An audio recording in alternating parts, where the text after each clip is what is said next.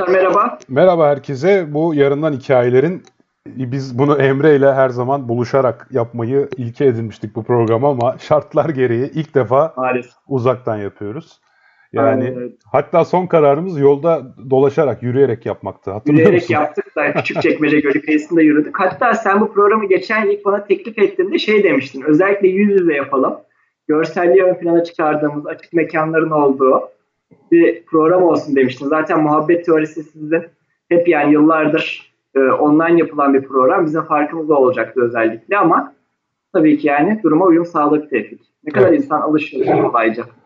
Evet, yani e, ben daha önce bunu tweet olarak da attım. Muhabbet teorisinde Kaanlarla da konuştuk da yani bundan 5 ay önce yazsak bir kıyamet öyküsü olabilecek şeyleri bugün hayatımızın birer parçası olarak yaşıyoruz. Biz, Aynen öyle. biz bugün bugünden hikayeler artık yani şu an konuşacağımız şey. Yani bugünü anlatsak izleyicilerimiz için, bizim kitlemiz için hakikaten yani yarından hikayeler etkisi yaratacak. Çünkü anlatacağımız bu programdaki her şey bir ay öncesinde bizim için yarındı. Belki 5 yıl sonrasıydı, belki 50 yıl sonrasıydı. Evet, evet. Hatta biz- Belirlenemeyen bir gelecekti yani. bu konuları konuşmuştuk. Bunlara geçmeden önce bu arada tüm izleyicilerimiz bizlere iyi akşamlar iletiyorlar. Ee, hepiniz hoş geldiniz.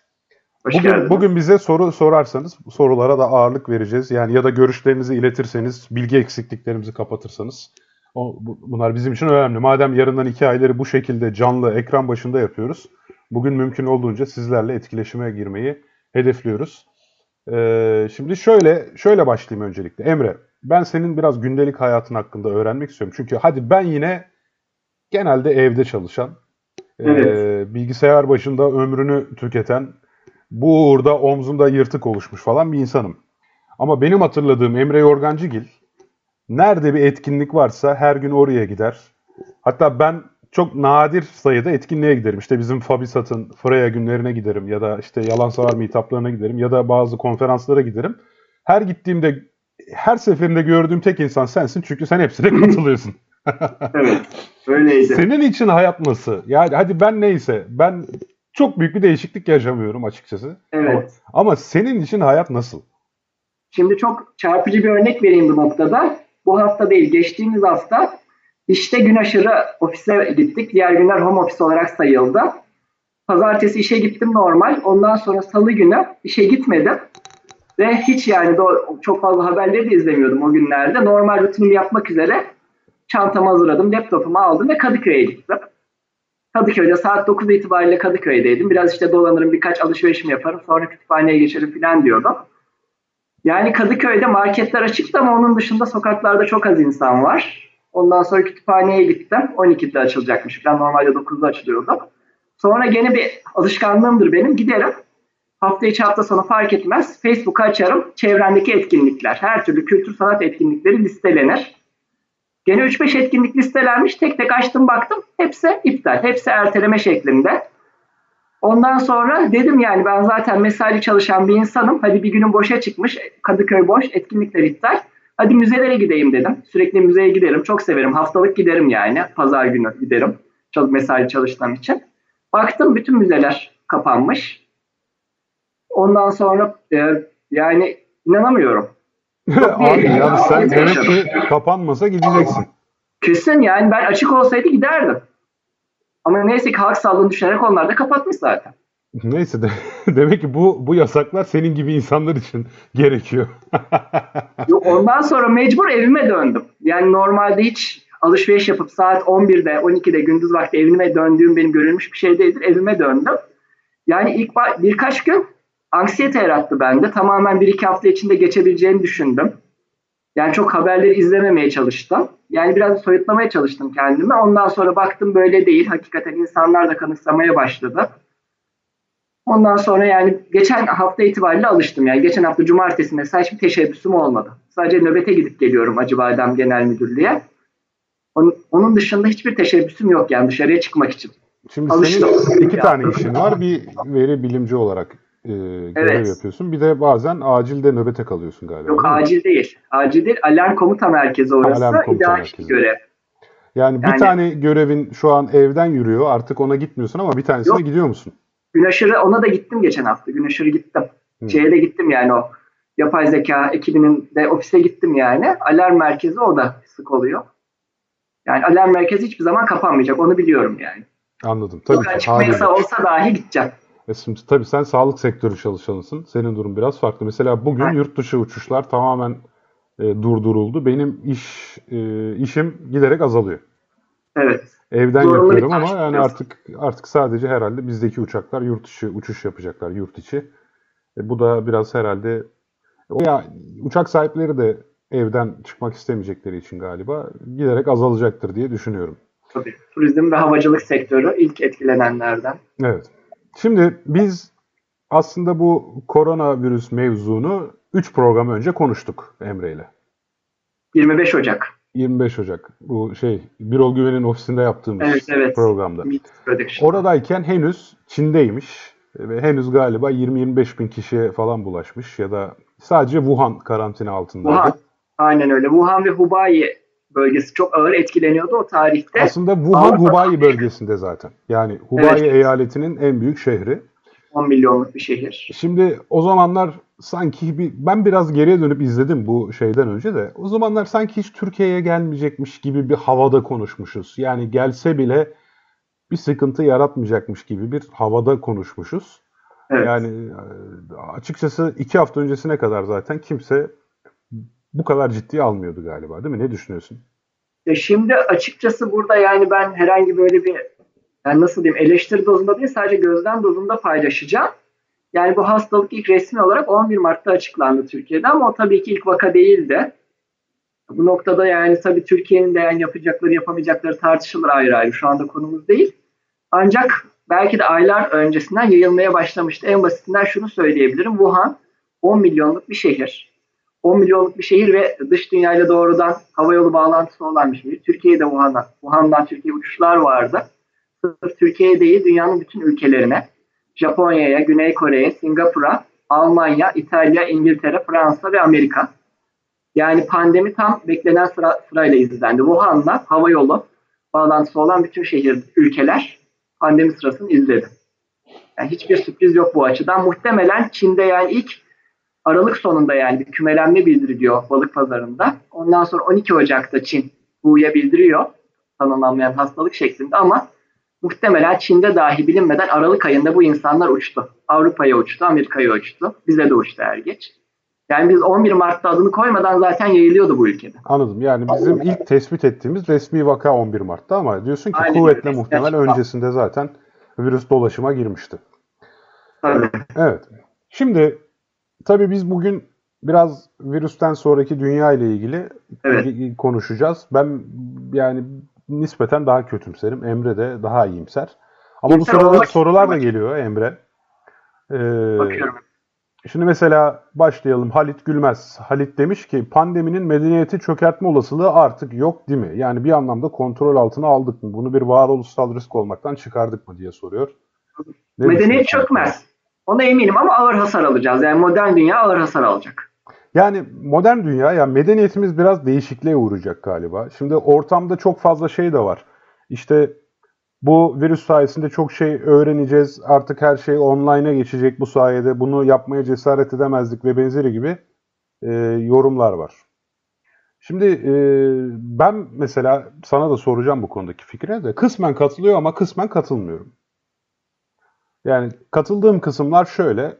Ya evet bazı şeyler gerçekten teamülen. Yani mesela şu an pek çok insanın ben çoğu iş için hayatımda şöyle düşünmüşümdür. Ya ben bunu yapmak için ofise niye gelmek zorundayım ki? Veya bu adam niye ofise gelmek zorunda ki?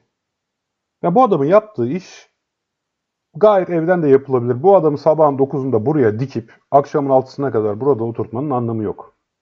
Dediğim noktalar vardı ve bunu patronlara anlatmakta güçlük çekersin. Patron için yani verdiği maaşın karşılığı aslında o işin yapılması değil de o kişinin oraya asker olması tabiri Aynen caizse. Emrine amade şeklinde Ha. fiziksel olarak. Şimdi bir yandan mesela bunun böyle olmadığının çoğu yerde çoğu kişi tarafından artık rahatlıkla anlaşılabileceğini düşünüyorum. Ama bu bana göre iş gücü piyasasında olumsuz yönde bir değişiklik yaratabilir.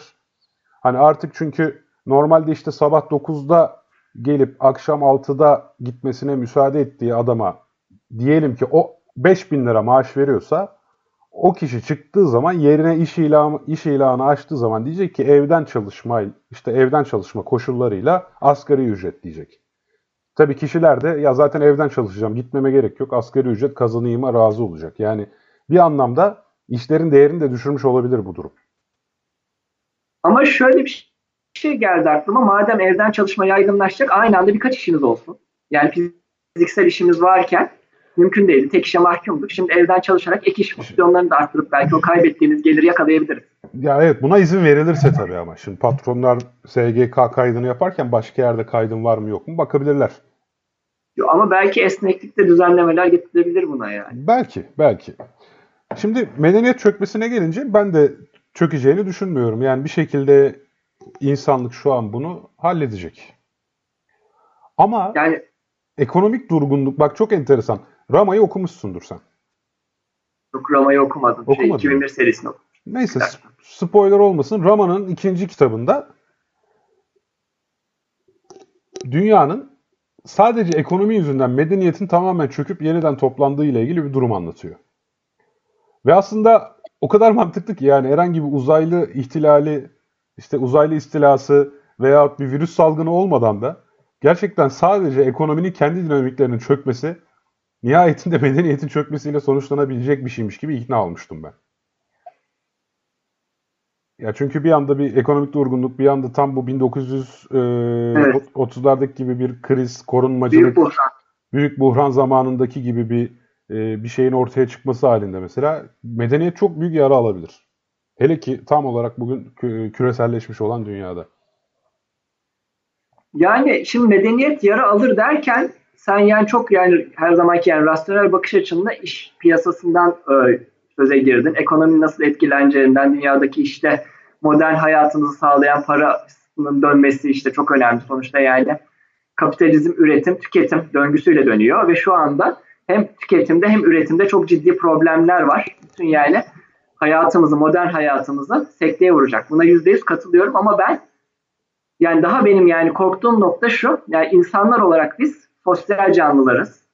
Topluluklar halinde yaşamak üzere evrimleştik ve yani uygarlığımızın bütün dönemlerinde topluluklar halinde yaşadık. Yani bunun bence şu anda kısıtlanması yani ne bileyim ekonomi bir şekilde düzelir. Bir şekilde yeni düzenin de ekonomisi olur. Yeni düzeninde de yani para döner. Yeni düzenin de kapitalizm kurulur. Ama yani yeni düzenin nasıl diyeyim yani şu anda bu programı emin ol yani uzaktan yapmak bana acı veriyor. Yani bir müziğe uzaktan dinlemek bana acı veriyor. Yani bir konsere ne zaman gideceğimi bilemiyorum şu anda. Bir tiyatroya ne zaman gideceğimi bilemiyorum. Yani bir çarşıda, pazarda ne zaman dolaşacağımı bilemiyorum. Bu belirsizlik bana çok büyük acı veriyor. Ama bu Emin mantıkla yani. mesela dünya o zaman bu mantıkla yani dünya bundan sonra tamamen böyle gidecekse bile yani yeni doğan çocuklar böyle bir dünyanın içine doğacakları için ve buna alışacakları için problem olmayacak anlamına gelir o zaman. E, biz ne olacağız? Bizim nesillerimiz ne olacak? Boş ver abi. Biz Sizin zaten şurada... 20 yıl var en az. Ya zaten mesela şu an 50-60 yaşındaki insanların büyük çoğunluğu mevcut dünyayı anlayamıyor, entegre olamıyor. İşte var Facebook kullananları falan filan da. Ya biz de zaten kaçınılmaz olarak hani bu salgın olmasa bile hadi sen ben yine teknoloji kullanıcısıyız falan da hani bizim yaş kitlemizin büyük çoğunluğu yani bir salgın olsun olmasın, dünya değişsin değişmesin yani herhangi bir dış faktörle değişsin değişmesin zaten 50 60 70 yaşlarına geldiği zaman tamamen izole oluyorlar mevcut teknoloji ve medeniyetten. Yani haklısın ama ben daha böyle temel şeylerden bahsediyorum. Ya en basitinden yani şu anda dokunamıyoruz insanlara. El sıkamıyoruz, sarılamıyoruz. Niye abi? Bak bak bak bak. Ben sana dokunuyorum. Hayır bak, yok yok böyle bir şey ben hayır. Peki yani şu anda bak seni görüyorum ama ya bundan ibaret değil yani. Ben şu anda seni Abi beni bu kadar sevdiğini bilmiyordum ben ya valla. Yok seni seviyorum. Bütün insanları seviyorum ben. Yok, Gerçekten o kadar humanist oldum ben şu an. Valla Emre insan özü, ya insan sevgisi. O ekranlar bu içindeki... yetmiyor. İçindeki insan sevgisi kalmamış. yo yo haklısın. Yani şimdi tabii ki ya sen şu an ekstra bir de yalnız yaşıyorsun. Biraz onun da etkisi falan olsa gerek yani. Ben, ben 20, 24 saat Kübra'yleyim. o yüzden yine hani evde muhabbet edecek ben falan birisi var. Yani, tamamen yalnızım ben. Yalnız yaşamanın ekstra bir sıkıntısı olabilir. O yüzden e, şey yapmayayım. Seni, seni, seni anlamıyor gibi olmayayım. Şimdi sorulardan devam edeyim abi.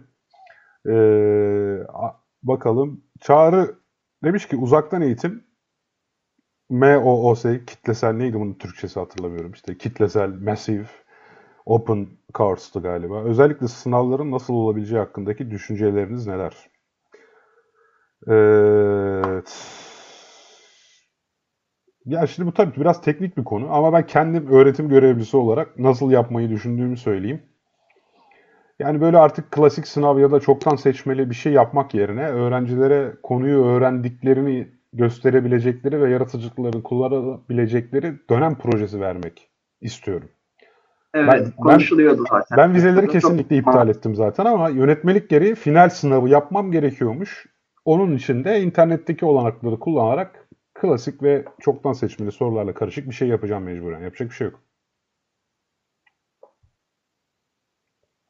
Bu arada benim Yani şey öğrencilerim de Kenan- var burada. Alper Durmaz var onu görüyorum. Kenan'ın katkısı çok güzel. 3D yazıcıyla bireysel üretim önem kazanacak. Tabii çok, çok önemli ama bireysel üretimde şöyle bir şey var. Şimdi görüyorum ben Twitter'da işte özellikle 3D yazıcılar üzerinden bu kask üretelim. Hani göz bandı, göz koruyucusu üretelim şeklinde. Hatta solunum cihazı üretme çabaları var.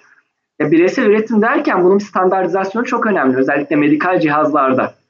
Yani Tabii, tabii. evde o standartizasyonun sağlanması çok büyük problem. Yani Tabii o açıdan bence bir yani şey önemli yani endüstri alanlarında ona zaman var diyorum ben. Yani herkes kendi kafasına göre ürettiği şeyin işe yarayacağını garanti veremez. Ya şimdi o şimdi yok hem katılacağım sana hem katılmayacağım. Şu konularda katılacağım. Emniyet yani safety equipment yani emniyet teçhizatı dediğimiz şeyler senin dediğin gibi öyle evde e, Çin malı şeyle üç boyutlu yazıcıyla falan üretip hemen kullanıma alabileceğin şeyler değil. Onların 50 tane standardı oluyor. Aynen İşte öyle. ve o standartlara uygun olmak zorunda ki biz onların emniyet riski yaratmadığından emin olalım. Ama örnek veriyorum işte ventilatörü 4 kişiye paylaştırabilecek bir tür boru böyle bir e, vana gibi bir şey üretmişler. Yani yan ürünler. Yan ürün yani veyahut şu çalışmazsa çalışmazsa derken ya tabii tıkanırsa bu da kişinin ölümüne yol açar ama tıkanma düşük bir olasılık. Ama hani çalışmazsa ölüm riski yaratmayan e, aparatlarda, teçhizatlarda kullanılabilir. Olabilir doğru. Yani ama işte safety ekipmanda senin dediğin gibi o öyle ya şöyle bir şey var. Sen onun şeyini ne kadar paylaştığın tasarımı ne kadar mükemmelleştirirsen mükemmelleştir. Herkesin evindeki yazıcının markası farklı veya kullanacağın plastik ham maddesi Malzeme, falan farklı. aynen malzemenin kalitesi. Soru işareti. Ama şey güzel tabii yani şu an 3 boyutlu yazıcılarda üretilebilecek bir şeyin tasarımının internetten bir anda tüm dünyaya yayılabilmesi ve elinde o imkanı olan herkesin onu üretebilmesi müthiş bir şey. Yani 20 sene önce böyle bir şey yoktu. Evet yani çok daha o, o açıdan yani bireysel çözümler açısından daha yetkiniz internet öncesi döneme göre. Tabii. Belki internet öncesi dönemde böyle bir krizde karşılaşsaydık çok daha yalnız savunmasız hissedecektik kendimize. Merkezi otoriteye daha bağımlı hissedecektik. Devlet aygıtlarına daha bağımlı hissedecektik. Ama şu anda yani bir noktada özelliğimiz var. Özellikle yani. Ama gıda noktasında yok gene yani. Kendi gıdamızı üretmek şehir ortamında imkansız mesela. Evet imkansız. Zaten gıda üretmek de öyle bir günlük iş değil. Yani şimdi Aynen. 3 ay sonra çıkacak bazı şeyler yani. Aynen. Ee, şimdi komplo teorileriyle ilgili çok soru var da o biraz daha muhabbet teorisinin konusu ki yakında şey yapacağız. Ee, yakında bu komplo teorileriyle ilgili bir muhabbet teorisi yayını yapacağız. Ee, onu oraya bırakalım istiyorsan. Ne dersin Emre? Ya ben bir cümle söyleyeyim sadece. Tabii, tabii. Yani 2002-2004 yılı arasındaki SARS salgınından sonra o da zaten koronavirüs ailesinden bir virüstü. Defalarca makalelerde birden bağımsız farklı çalışma gruplarının makalelerinde uzak doğunun, uzak doğuda her çeşit memelinin ve vahşi hayvanın tüketilmesinin, onlarla haşır neşir olunmasının SARS koronavirüs ailesinin mutasyona uğraması açısından çok zengin bir kaynak olacağı ve o noktadan çıkacak salgın hastalıklar konusunda tahminler vardı. Yani bu sürpriz değil o açıdan. Evet, evet, aynen. Yani, Yani o hatta bu şeye benziyor şu an. Tutup da 10 yıl sonra küresel ısınma yüzünden buzullar tamamen eriyince bak adamlar bunu 20 sene önce tartışmış demek ki onlar yaptı falan demeye benziyor. Yani şöyle bir şey var. işte Yani dünyada olası riskler konusunda sürekli kafa patlatan insanlar var. Bunların enstitüleri var. Ya daha komiği hani konuşuruz ya Nick Bostrom falan. Yani o Oxford Üniversitesi'nde Aynen. insanlığın sonu enstitüsü mü? Adı neydi onun? İnsanlığın sonu muydu? Aynen öyle. Simülasyon bile tartışıyorlar. Ha, yani, yani insanlığın geleceği yapacak? evet enstitüsü diye bir Yani- yer var. Dünyada insanlar bunun ya bu arada şöyle bir şey söyleyeyim. Emre muhtemelen bundan 10 sene sonra 10 sene sonra bizim bütün programlarımızı inceleyenler başımıza gelmiş pek çok felaketi zaten çok önceden konuştuğumuzu görecekler. Hem de neredeyse konuştuğumuz şekilde gerçekleştiğini görecekler yani. O zaman birileri bunu dünyaya bizim yaptığımızı da iddia edebilir mi? Saçma olur. Biz gibi belki yüzlerce podcast var dünyada. Yani sırf bizden de ibaret değil. Tabii tabii. Yani. Demek dünyanın bağımsız yerlerinde yüzlerce insan bunu konuşuyor zaten şu anda. Ha şu var yani ben benim komplo teorilerine yaklaşım her zaman şu. Ee, yani bir biyolojik silah olabilir mi? Olabilir. Tamam mı? Ama bunu düşünmek için şu an elimizde makul bir sebep yok. Yani ona bakarsın o zaman uzaylılar da gelip bırakmış olabilir. Bu da olabilir mi? E olabilir. Yani bunun için ama bunun için de elimizde bir kanıt yok.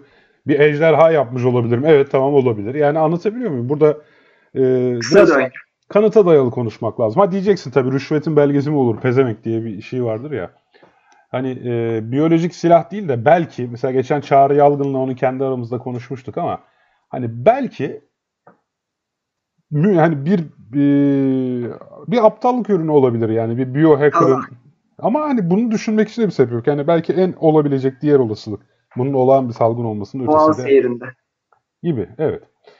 Şimdi demiş ki birisi Başkan Trump Defense Production Act Evet. yasasını yürürlüğe koydu ve General Motors'a solunum cihazı üretme emri verdi. Vallahi verir bence. Bence şu an burada tabii liberaller bana çok kızacak ama hani e, toplumdan yıllarca toplumdan kazanan şirketler böyle günlerde gelip borçlarını Kesin. ödeyecekler abi. Kesinlikle. Bu olay sanırım en son 2. Dünya Savaşı'nda gerçekleşmiş Amerika'da. Tam bir seferberlik, bütün endüstriye, savaş endüstrisine çal- e, doğru çalışması.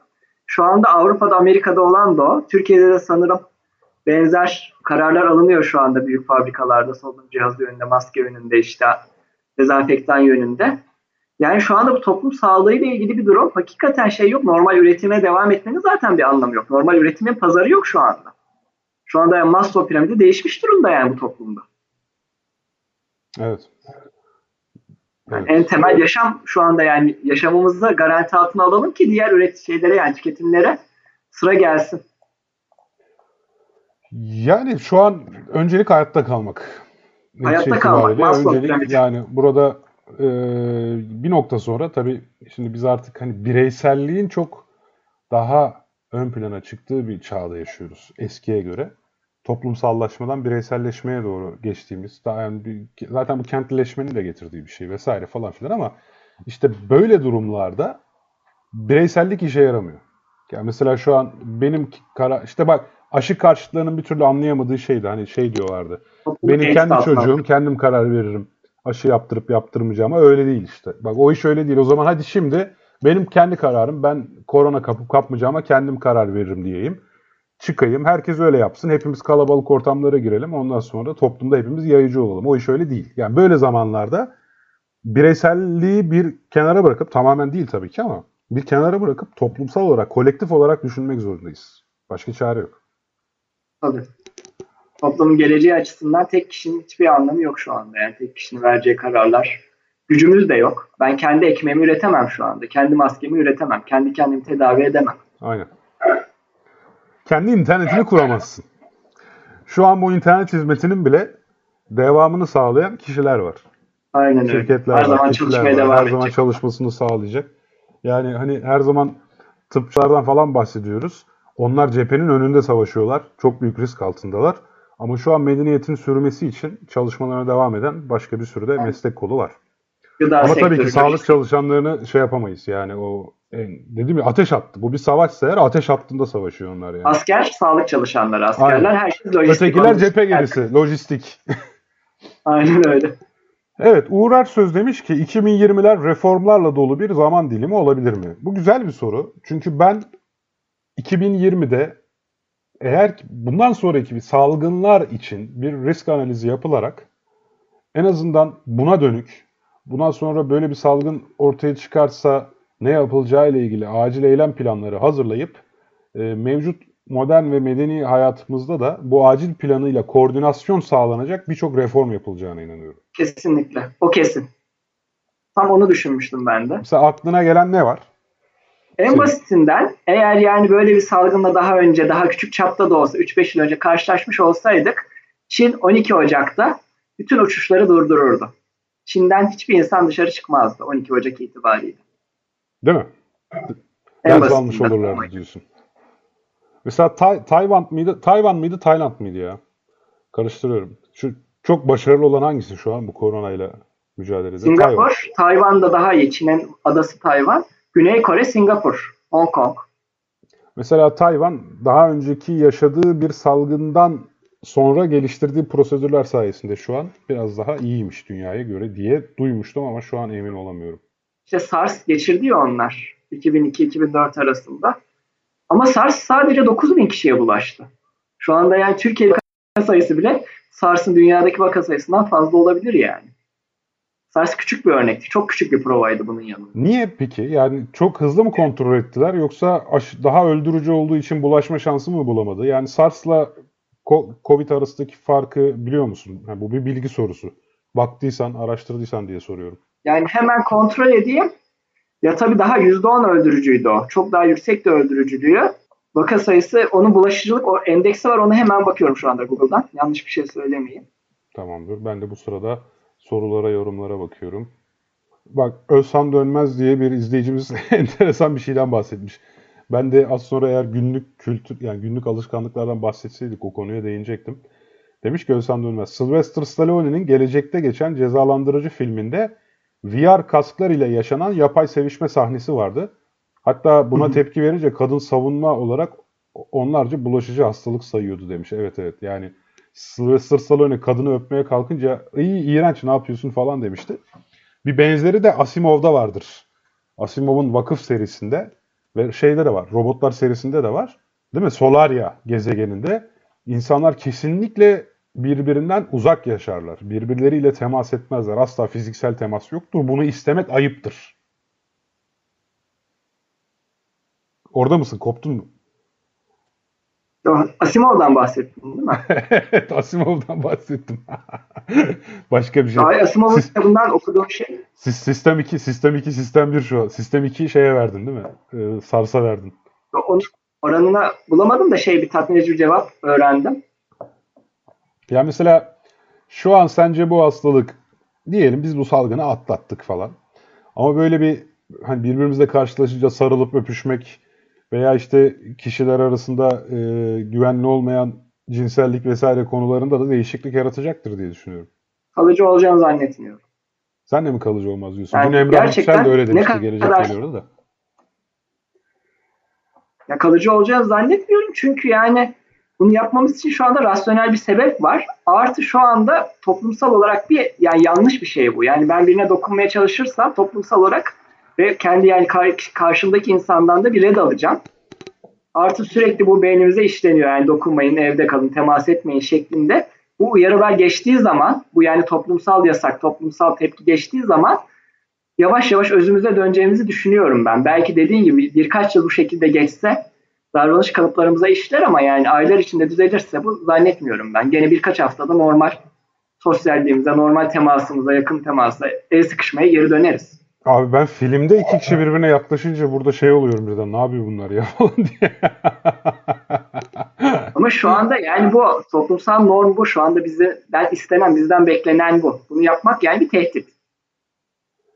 Kendim açısından da tehdit, senin açından da tehdit. O yüzden Ben yani seninle rasyonel diye sormuş Çağrı da yani el sıkışmak bir adet bizim yani bir sosyal yani iyi niyet belirtisi olarak bir adet öğrendiğimiz bize öğretilen. Yani rasyonel temeli olmasına gerek yok. Yani insan sosyalliğinde rasyonellik açısından ele alamayız her zaman. Ya alamayız da hani bir şey e, dün onu gelecek geliyor da söyledim ben. Hani e, bu bizim daha sonradan kazandığımız alışkanlık ama yani sen çocuklara bunu öğretiyorsun. Senin doğal olarak birini görünce elini sıkmak gibi bir içgüdün yok. Bu sosyalliğin, sosyal hayat, toplumsallaşma sırasında öğrendiğimiz bir şey. Karşılaşınca Evet. el sıkışılır, öpülür diye. Ama mesela bir hastalıktan kaçınma yolunda birinden uzak durmak tamamen içgüdüsel. O yüzden ben hani bir alışkanlığı bu yönde bir alışkanlığı yerleştirmenin zor olduğunu ama bu alışkanlığı kaybetmenin kolay olduğunu düşünenlerden. Yani kolay kaybedeceğiz, kolay normale döneceğiz diyorsun. Yok yok ben hani e, kolay kaybedeceğiz zaten. Hani şey gibi düşün. Bazen yün bir şeyler giyiyorsun. Sandalyeden seni elektrik çarpıyor tamam mı? Evet. Eğer, eğer iki gün arka arkaya yaşarsan onu böyle bir korku oluşuyor ve Doğru. uzun süre atamıyorsun onun üzerinden. Ben Doğru. biraz ona benzetiyorum. Öyle olur gibi geliyor bana yani. Yani bakalım. Bu tam yani bir spekülasyon şu anda ama ben öteki türlü Evet için yani. ben şu an tamamen spekülasyon yapıyorum canım. Elde data yok ki. Fikir, fikir, Artık fikirlerimizi şey de yok yani data işte. olabilecek bir şey değil bu.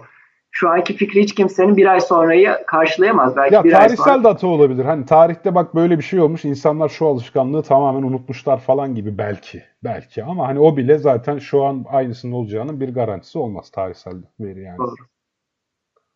Şey, bu arada hemen söyleyeyim ben. Baktım e, hemen bir CNN makalesi çıktı Google'da. Tam oransal olarak bir şey bulamadım ama SARS'tan belirgin ölçüde daha bulaşıcı. Koronavirüs. SARS daha öldürücü. Ona baktın. Sa- SARS daha öldürücü. Muhtemelen tahminimde şu. SARS çok daha yüksek öldürücü olduğu için ve her yaş grubundan öldürücüymüş SARS. En basitinden ta bugüne şeyde yani sanırım Güney Asya'da, Güneydoğu Asya'da SARS'ı araştıran WHO'nun uzmanlarından biri bile ölmüş hastalıktan. İlk iki hafta içerisinde. O yüzden olayın ciddiyeti görülüp çok daha hızlı aksiyon alınmış SARS'ta. Hmm. MERS, Yani- MERS çok öldürücüydü. MERS. MERS 3'te 1 öldürücüydü ama İnanılmaz NEST öldürücü. 3000 kişinin ötesine geçmedi. Ama işte öldürücülük artınca bulaşıcılık düşüyor zaten. Adamın Aynen öyle. bulaştırmaya vakti kalmıyor falan. Aynen Şimdi öyle. bu SARS- Evrimsel bir çıkmaz yani. Evet, aynen. Şu an Covid'in bu kadar bulaşıcı olmasının sebebi çok uzun süre işte belirti göstermiyor ve herkesi de öldürmüyor. Yani Ya da taşıyıcı olarak geçiyor belirtiler. O da yani çok ciddi bir taşıyıcılık oranı da var. Yani hiç Hmm. asemptomatik belirtisiz atlatan insanlar. hadi ya. Tabii. Ben kendi sağlık kayıtlarıma baktım. Hani sen de dedin ya Aralık'tan beri belki de virüs dolaşıma girmiş olabilir diye. Böyle acaba hani o dönemlerde bir şey yaş- geçirmiş miyimdir falan filan diye de yok abi. Ben düzenli olarak Ekim'de hasta oluyorum. Alerjit, alerjik ve faranjit falan filan gibi. Onu keşfettim bu arada. Her her Ekim'de hasta olmuşum. Yani çok enteresan. Yani hiç bilemeyiz bunu artık. Açıkçası bilmek de istemiyorum ben. Geçirdim mi geçirmedim mi. Niye? Yani zaten şu anda çok Geçirdiysen şey- bağışıklık sahibi olduğunu bilmek seni rahatlatmaz, mı, rahatlatmaz mıydı? yani zaten şu anda yani biliyorum ben ne yapacağımı, ne yapamayacağımı, kimlerden uzak durmam gerektiğini yani sosyal mesafeyi azaltmak işte yani gerçekten anksiyete şu anda daha ağır bende yani. Buna karşı böyle bir irrasyonel tutuma girdim. Bunu da itiraf edeyim yani. Olabilir ya artık rasyonel olma zorunluluğumuz yok. Şu günleri nasıl rahat geçireceksen öyle ol yani açıkçası. Ya da yani zararsız, insanlara zararsız şekilde. İzleyenlerden bir ricada bulunalım. Beğen tuşuna basarak algoritmayı dürtükleyebilirsiniz. O yüzden belki programımızı hiç bilmeyen kişiler de keşfedebilir. Şimdi Kerem Bayrak bir soru sormuş. Bu aynı zamanda e, buradaki birçok sorunun da cevabı olabilir. Mesela Zafer Şenergil de bu salgının Türkiye'de dahil bütün dünyada başarısız siyasi partileri tarihi siyasi sahnesine sileceğini söylüyor. Kerem Bayrak işte ortada pek çok teorinin dolaştığı ve işte insanlara çip takılıp kontrol edilebileceğini söylüyor vesaire. Ve geçenlerde Financial Times'ta Harari'nin bir yazısı vardı. Senin de aklına o gelmiştir şimdi. Evet, bu evet. iki soruyu da okuduğun zaman. Şimdi belki bu konuda biraz konuşmak lazım. Mesela gerçekten de şu an dünya sahnesinden bu konuyu daha birçok konuyu başaramamış siyasi partilerin eee, başarısız olduğu kitleler tarafından daha mı rahat anlaşılacak ve siyasi sahnesinden silinecekler mi? Yoksa korona ortamını ve bu tedbirleri eee, bahane ederek e, kontrol güçlerini arttıracaklar mı? Daha totaliteryen bir rejim kurma yolunda gidecekler mi? Bu bu soru bu soru önemli. Bu Harari'nin de sorduğu sorular. Kesinlikle. Bu bence her ülke için aynı gerçekleşmeyecek. Yani ülkelerin sosyal örgütlülük oranları, toplumsal dinamikleri çok farklı. Ama yani benim Orta Doğu için, bize benzer ülkeler için tahminimi soruyorsanız her zaman bizim toplumlarımız en kötü yönetimi bile belirsizlik ortamına tercih ederler. O yüzden açıkçası ben bu, bu, şekildeki yani kriz, belirsizlik ortamlarının insanları tam tersine otoriteye daha böyle nasıl diyeyim bağımlı demeyeyim de boyun eğer hale getirebileceğini düşünüyorum. Ama belki Avrupa'da, Amerika'da daha farklı, daha böyle sosyal hareketleri, sosyal dayanışmayı güçlendirici, daha böyle yani nasıl diyeyim eğitimli insanların daha toplumda söz sahibi olacağı bir imelendirme, daha sosyal eşitlikten yana imelendirme yaratabilir biraz daha sosyal dinamikleri gelişmiş ülkelerde. En basitinden yani Çin örneğine bakalım. Çin'de şu anda yani sonuçta bir salgın orada başladı. İşte 80 bin kişiyi etkisi altına aldı. 4 bin, 4 bine yakın kayıp var. Çin'de özellikle belli bir şehirde kümelenmiş. Yani zaten basına yansıyan bir şey yok ama yani az çok ben emin olabiliyorum. Çin'de şu anda yani devlet yetkililerinin eleştirilemediğini, yani belki kendi işlerinde bir öz eleştiri belli şeylerde vardır, belli sınırlarda vardır ama Çin halkı şu anda diyemiyordur yani Wuhan valisine. İstifa et, sen salgını kötü yönettin diyemiyordur. Tam tersine minnettarlardır. Avrupa, bakın Avrupa yani kırılıyor geçin diyor. Amerika'nın hali ortada. Biz çok güzel, çok hafif atlattık. Tabii yani bu da doğru bir karşılaştırma değil. Çünkü Çin'de çok erken yayılmaya başladı. Çok erken farkına vardılar. Önlemleri çok hızlı şekilde evet, aldılar. Çin, Çin ama Çin iyi yönetti gibi süreci sanki. Yani. İyi niyetli ama hayır bir dakika. Belki çok geç raporladılar. Ha evet. Belki yani uluslararası uçuşları kapatmadılar. Yani Çin şu anda bence her şeyi çok güzel yönettik. Bu sizin becerisizliğiniz deme hakkına sahip değil hiçbir dünyaya. Çünkü buna dair yeterli bizim bir verimiz yok. Nesnel bir yani yönetim ne olsa belki yani özgürlükçü bir yönetim, daha liyakate dayalı bir yönetim olsa Çin'de dünyaya daha az hasar olacak şekilde atlatılabilirdi bu. Yani şu anda ben hemen Çin'de her şekilde yani takdir etmekten yana değilim. Yani bu da bir örnek mesela yani otoriter yönetimleri güçlendireceğini. Çin'de Yani halk evet, şu anda minnettar ama o minnettarlığın sebebinden emin değilim ben yani. Doğru. ne kadar Şimdi doğru yeniden olduğu. düşününce Çin'de bu e, koronadan bahseden ilk doktorun başına gelenler falan gibi mevzular var. Aynen öyle. Çin'de nedense ilk başta böyle bir e, inkar etme, kabul etmeme, dolayısıyla da dünyayı açıklamama vesaire gibi bir e, yol tuttu. Niye bilmiyorum. Belki o haftalar çok hayatiydi yani. Belki o haftalarda şu anki önlemleri almamız gerekiyordu. Mart'ta alınan önlemler Ocak başında alınsaydı Çin erken davranıp belki şu anda SARS'a yakın bir olayla atlatabilirdik yani bugünleri. Evet. Bir de e, şey var tabii. Yani her zaman ekonomi ve işte insan sağlığı arasında bir çelişki e, oluşuyor şu an tüm dünyada. Aslında Türkiye'de de bir anlamda o var. Mesela Öyle. Türkiye'de insanlar sokağa çıkma yasağının devlet tarafından ilan edilmesini istiyor. Çünkü ek- yani sadece şey değil, vurdum duymazlık dolayısıyla değil yani. O biraz hatta bu yaşlılar konusu çok abartıldı biliyorsun. Dışarı çıkıyorlar vesaire muhabbeti. Ama hani insanlar gerçekten şu an çalışmak için mecburen işe gidiyorlar. Geçenlerde e, Twitter'daki takipçilerime bir anket yaptım. %30 küsuru aynı şekilde işlerine devam ediyorlar gidip gelmeye. Gün aşırı bile olmadan değil mi? Her gün. Evet, aynen devam seçeneğini işaretlediler. Ya gene hatta benim takipçi kitlemin büyük ölçüde hani beyaz yakalılardan oluştuğunu varsayıyorum. Hani demek ki işin hani mavi yakalılar, işçiler kısmını düşünürsek bu oran çok daha yüksek. Maalesef. Ve o yüzden mesela şu an Türkiye'de devlet eliyle OHAL ilan edilsin, sokağa çıkma yasağı ilan edilsin isteniyor. Ve bir anlamda senin dediğine e, geliyoruz burada. Yani hani bizim Devlet gibi ülkelerde tabii, ama şu var yani bun, ama bunların tabii gerekçesi ekonomik. Çünkü ben ben babamı çalışmamaya ancak 3 gün önce ikna edebildim. Ondan öncesine kadar hep çalıştı yani 3 gün önce. Çalıştı. Üstelik bu arada babam ilaç şişesi taşıyor. Babam nakliyecilik yapıyor biliyorsun. Ha bir de bu- burada başka şey bir görevi var yani hani bir ilaç şişelerini de taşımamız lazım ma- mantığıyla yani. Ama hani ben onu çalışmamaya 3 gün önce ikna edebildim yani. O da şey diye baba hani sen evde 10 gün kalmadan size gelip sizi görmeyeceğiz. Ha, Ne zaman eve girdin 10 gün geçti belirti göstermeden o zaman geleceğiz. Her dışarı çıktığında bu süreyi sıfırlıyorsun diyerek ikna edebildim yani.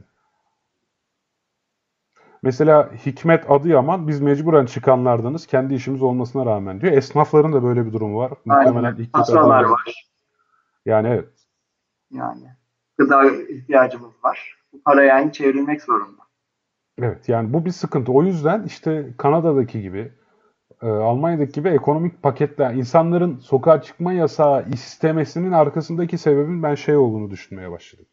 Hani bu sokağa çıkma yasağı devlet eliyle ilan edilirse doğal olarak ödemelerin ertelenmesi, işte kiralar, ben doğal olarak bu paketle açıklanmak zorunda kalacak. Aslında hani istenen şey sokağa çıkma yasağından ziyade Sokağa Ekonomik çıkma yasağını evet, mümkün kılacak bir ekonomik güvence gibi geliyor Aynen. bana. Çok güzel bir yerden konuyu açtın Tevfik. Tam bu yayında yani mutlaka değinmek istiyordum. Belki bu döneme dair, bu dönemden sonrasına dair iyimser olabileceğim bir şey evrensel temel gelir. İlk kez uygulamaya kondu şu anda resmen. Almanya'da, İngiltere'de, işte Fransa'da, Amerika'da dahi. Şu anda adam başı yani bir gelir veriliyor. Adam başı belli bir ödeme yapılıyor insanlara. Neden? İşini kaybedenler belli bir süre daha temel ihtiyaçlarını karşılayabilsinler diye. Ve yani bu çok ütopik konuşuluyordu. Yani eminim ben birkaç ay önce bunu biz konuşsak desek yani iki ay içinde Amerika gibi kapitalizmin beşiği bir ülkede adam başı para verilecek desek yani hiçbirimiz anlamlandıramazdık nasıl böyle bir şey olabilir diye. Ve şu anda Amerika'da yaşanan bu 2 trilyon doları halka dağıtacaklar. Evet. Hakikaten çok yani anormal. Amerika'da, Amerika'da olması daha enteresan. Çünkü neden? Sistemin dönmesi için onlar da buna yani mecbur olduklarını gördüler. Evet. insanların yani kendilerini yani bu üretim tüketim zinciri dönmeden bütün ekonomi çökecek, bütün sosyal yani modern hayat çökecek, kapitalizm çökecek. O yüzden kısa bir sürede olsa bu sübvansiyon yapılmak zorunda ve bundan sonra eminim ben hem bu işsizlik geliri olsun, evrensel temel gelir olsun çok daha ciddi tartışılacak. Özellikle yani toplumsal huzur açısından, toplumun yani dinamiklerinin belli bir güvenceyle sürmesi açısından. Aynı şekilde sağlık sigortası açısından da ben yani evrensel bir sağlığa erişim, evrensel temel gelir, gıda güvenliği noktasında bence yani uzun uzun yani şeyler olmasa da yani insanlığın hayat standartları bir anda düzelmese de en azından en çok etkilenen yoksul insanları, güvencesiz insanların bir noktada daha ben yani bir güvence kazanabileceğini düşünüyorum. Evet, özellikle Amerika Birleşik Devletleri'nde sistem bayağı sorgulanmaya başlanmış diye. Yani orada burada okuyorum şu an. İnsanların yani Amerika'da sağlık sistemi rezalet biliyorsun. Ee, Aynen öyle. Amerika'da böyle sosyal devlet olma yönünde birkaç adım atmak zorunda kalır gibi geliyor bana. Zorunda. Zorunluluk yani bu seçim değil şu noktada. Ya şu an Devlet ayrılık devamı için ya zorunluluk- süresince bunu geçici olarak yapabilirler ama bence bu kalıcı olacak. yani olumlu sonuçlarını görürlerse ki görülecek. Yani en azından toplumsal huzur olacak yani suç oranları azalacak. Böyle bir şey olmasaydı Amerika'da şu anda yağma olurdu.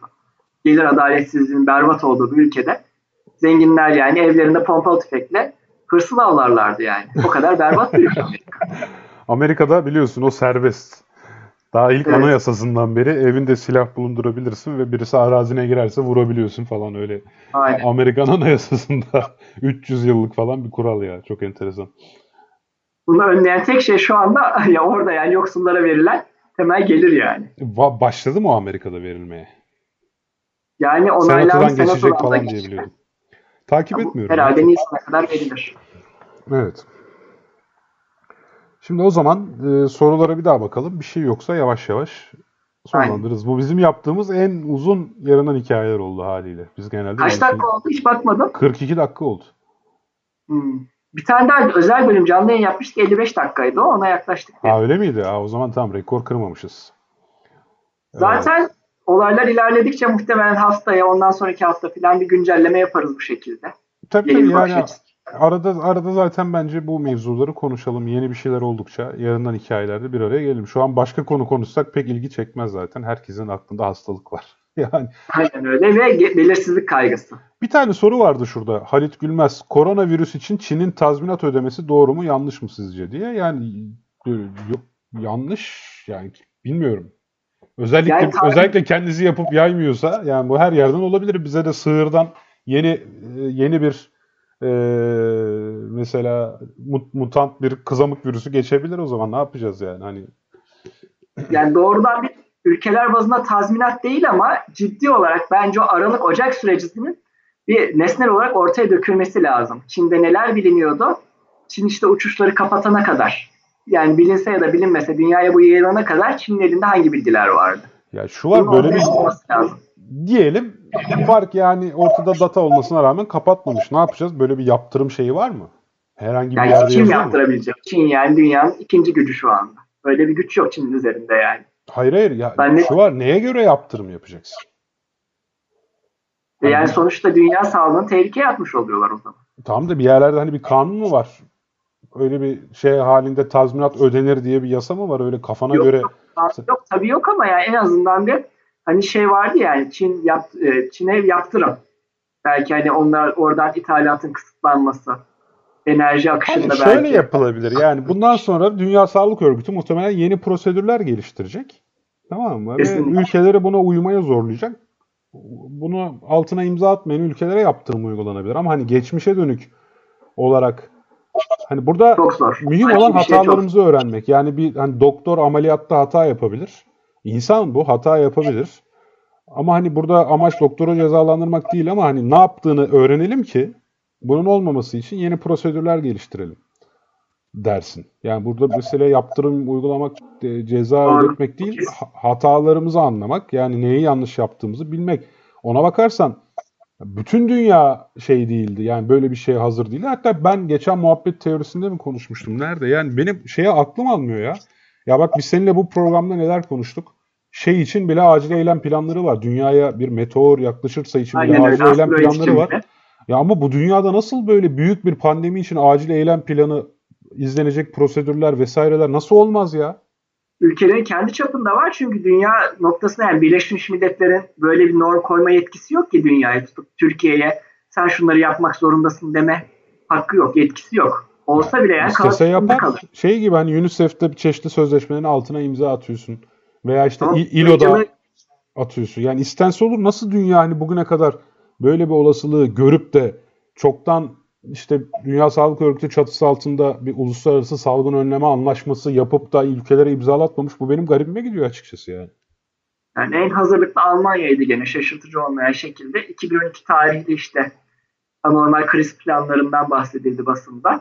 Orada yani epey bir öngörmüşler böyle bir krizi ve güzel önlem alıyorlar yani. Ölüm oranında düşüklüğü çok çarpıcı.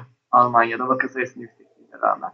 Bu arada Abdullah Çınar çok güzel bir soru sormuş ya. Gerçekten teşekkür ediyorum kendisine. İklim Demiş krizi. ki pandeminin oluşturacağı etkiler insanlığı küresel iklim krizine daha fazla önem vermeye iter mi? Bence iter ya. Bak bu çok Kesinlikle. güzel bir soru. İnsanlar şeyi fark ettiler. Yani artık bu tür felaketler öyle bölgesel değil. Hatta bizim bak Aynen. Türkiye'de öyle tipler vardı. Ben Wuhan'la ilgili görüntüler paylaşınca Çinliler ölsün gebersin falan tarzı tipler vardı. tamam mı? Hani sanki sadece bu Şey- mesele Çinlilerin meselesiymiş gibi. Hiç şaşırma. Şimdi işte o gibi hödükler de artık şunu anlamıştır ki tamam artık dünyada yerel problem diye bir şey yok. Hele ki küresel iklim değişikliği dediğimiz zaman adı üzerinde bu küresel. Yani Aynen burada tüm insanlar hep birlikte hareket etmeliyiz ve hepimiz yani yarın bak ben şimdi eve tıkıldık da bundan 30 sene sonra korkunç sıcaklar geliyor diyecekler. Biz gene 3 hafta eve tıkılacağız. Yani muhtemelen sıcak dalgaları olacak. Sıcak Ne bileyim, belki karantinasına gireceğiz yani eve. sıcak karantinası olabilir. Ozon tabakası ile ilgili yeni bir olumsuzluk olabilir belki. İşte şu saatlerde güneş ışık, ışığı inanılmaz tehlikelidir uyarıları olabilir. Evet. Hepsine yani hazırlamak lazım kendini. Ve bak Kenan Gülol güzel söylemiş. Açık hayvan pazarlarının bir daha açılmaması üzerine baskı uygulanması bence en mantıklı düşünce. Şimdi bir ülkeye o kadar yerel bir şey için baskı yapılamaz ama bence artık Çin onu kendisi yapacak. Hiç kimsenin baskı Kesinlikle. uygulamasına gerek yok. Yani, Yani biz, biz nasıl Türkiye'de kurban kesmeye standartlar getirdik sokakta kurban kesmeye yani kimsenin baskı yapmasına gerek yok bu konuda. Çin de artık bunu anlar diye düşünüyorum. Umarım her türlü vahşi memeliği yemeği bırakırlar. Abi onu bırakmazlar. Burada da yani şey bu arada ben şeyi yanlış buluyorum. Bak yeri gelmişken söyleyeyim. İşte her şeyi yerseniz böyle olur falan yanlış buluyorum. Adamların kültürü o. Kültürü ama bu ihtimali artırıyor. Mutasyon ihtimali artırıyor. Abi öyle de bak kızamık da sığırdan bulaştı zamanında.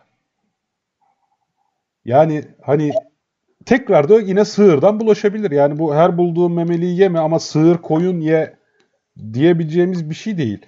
Yani adamın kültürü o kültürde yılan da yeniyor, şey de yeniyor. Ha bence yani bu arada zaten Çin'de hani bu gibi gıdaları tercih eden kitle nüfusunun yanında çok küçükmüş. Kesin.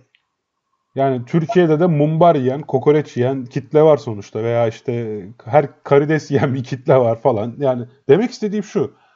Yani bu bir kültür. Ya tavuktan da çıkabilir. Kuş kuş gribinin kaynağı neydi? Gribi evet. Her türlü kanatlılardı. Yani şimdi Tavukları itlaf ettik. gibi. Yani şimdi bu farklı ilk defa yarasadan çıktı diye falan. Tamam ya yarasa ayrıca çok yoğun bir virüs kaynağıymış galiba. Yani okuduğum kadarıyla. Hani ama ve lakin burada meseleyi şeye indirgemek biraz olayı uzaklaştırıyor. Yani ne var şimdi kimse bu dünyada yarasa yemediği zaman bir daha salgın riskiyle karşı karşıya değil miyiz yani? Yani sivrisinekten bile bulaşabilir. Ya evet, evet yani Zika virüsünü sivrisinek taşıyordu veya işte hani demek istediğim o eşitliğin kurulması çok mantıklı değil. Ha bel, hani belki gelecekte hepimiz hayvan yemeyi bırakırız. Bitkilerden bize bir virüs bulaşma olasılığı çok düşük. Evet. Ee, bulaşmaz hatta değil mi? Yani sen daha iyi bilirsin o mevzuyu. Yani çok hatırlamıyorum öyle bir bitkinin mutasyonu insana geçmesi zaten. Bir kere yayılım olanı da çok yani kısıtlı. Yani. Neyse işte diyeceğimiz bu. oluyor. Var mı son olarak söyleyeceğim bir şey? Yavaştan kapatalım o zaman. Yani dediğim gibi her zaman ben bir programı iyimser bitirirdim. Şu anda inanılmaz bir belirsizlik hakim. Umarım yani bir birkaç hafta sonra yapacağımız programda nasıl bir ruh hali içinde oluruz gerçekten ben kestiremiyorum. Hem Evet. dünya içinde hem ülkemiz içinde. Bu programda tarihe not düştük. Birkaç hafta sonra dönüp bunu izleriz. Bak o zaman böyle düşünüyormuşuz. Şimdi iyice yamulduk mu diyeceğiz yoksa bak şimdi hiç kaygımız kalmadı mı diyeceğiz bakalım. Yok hiç kaygımız kalmadı demeyiz ama en azından rahatladık. Yani tünelin sonundaki ışığı görüyoruz deriz. Ben şu anda açıkçası göremiyorum. Ama belki bir iki hafta sonra görebilirim. Vay be ben ilk defa Emre'yi karamsar buldum ya bu programda. Vay Yani be. bütün işaretler bu yönde çünkü şu anda benim için. Peki. O zaman ben yavaş yavaş yayını sonlandırıyorum. Bizi izleyen, dinleyen, görüşleriyle katkıda bulunan herkese teşekkür ediyoruz. Teşekkür ediyoruz arkadaşlar. Sağlıklı günlerde görüşmek üzere. Hoşçakalın. Hoşçakalın.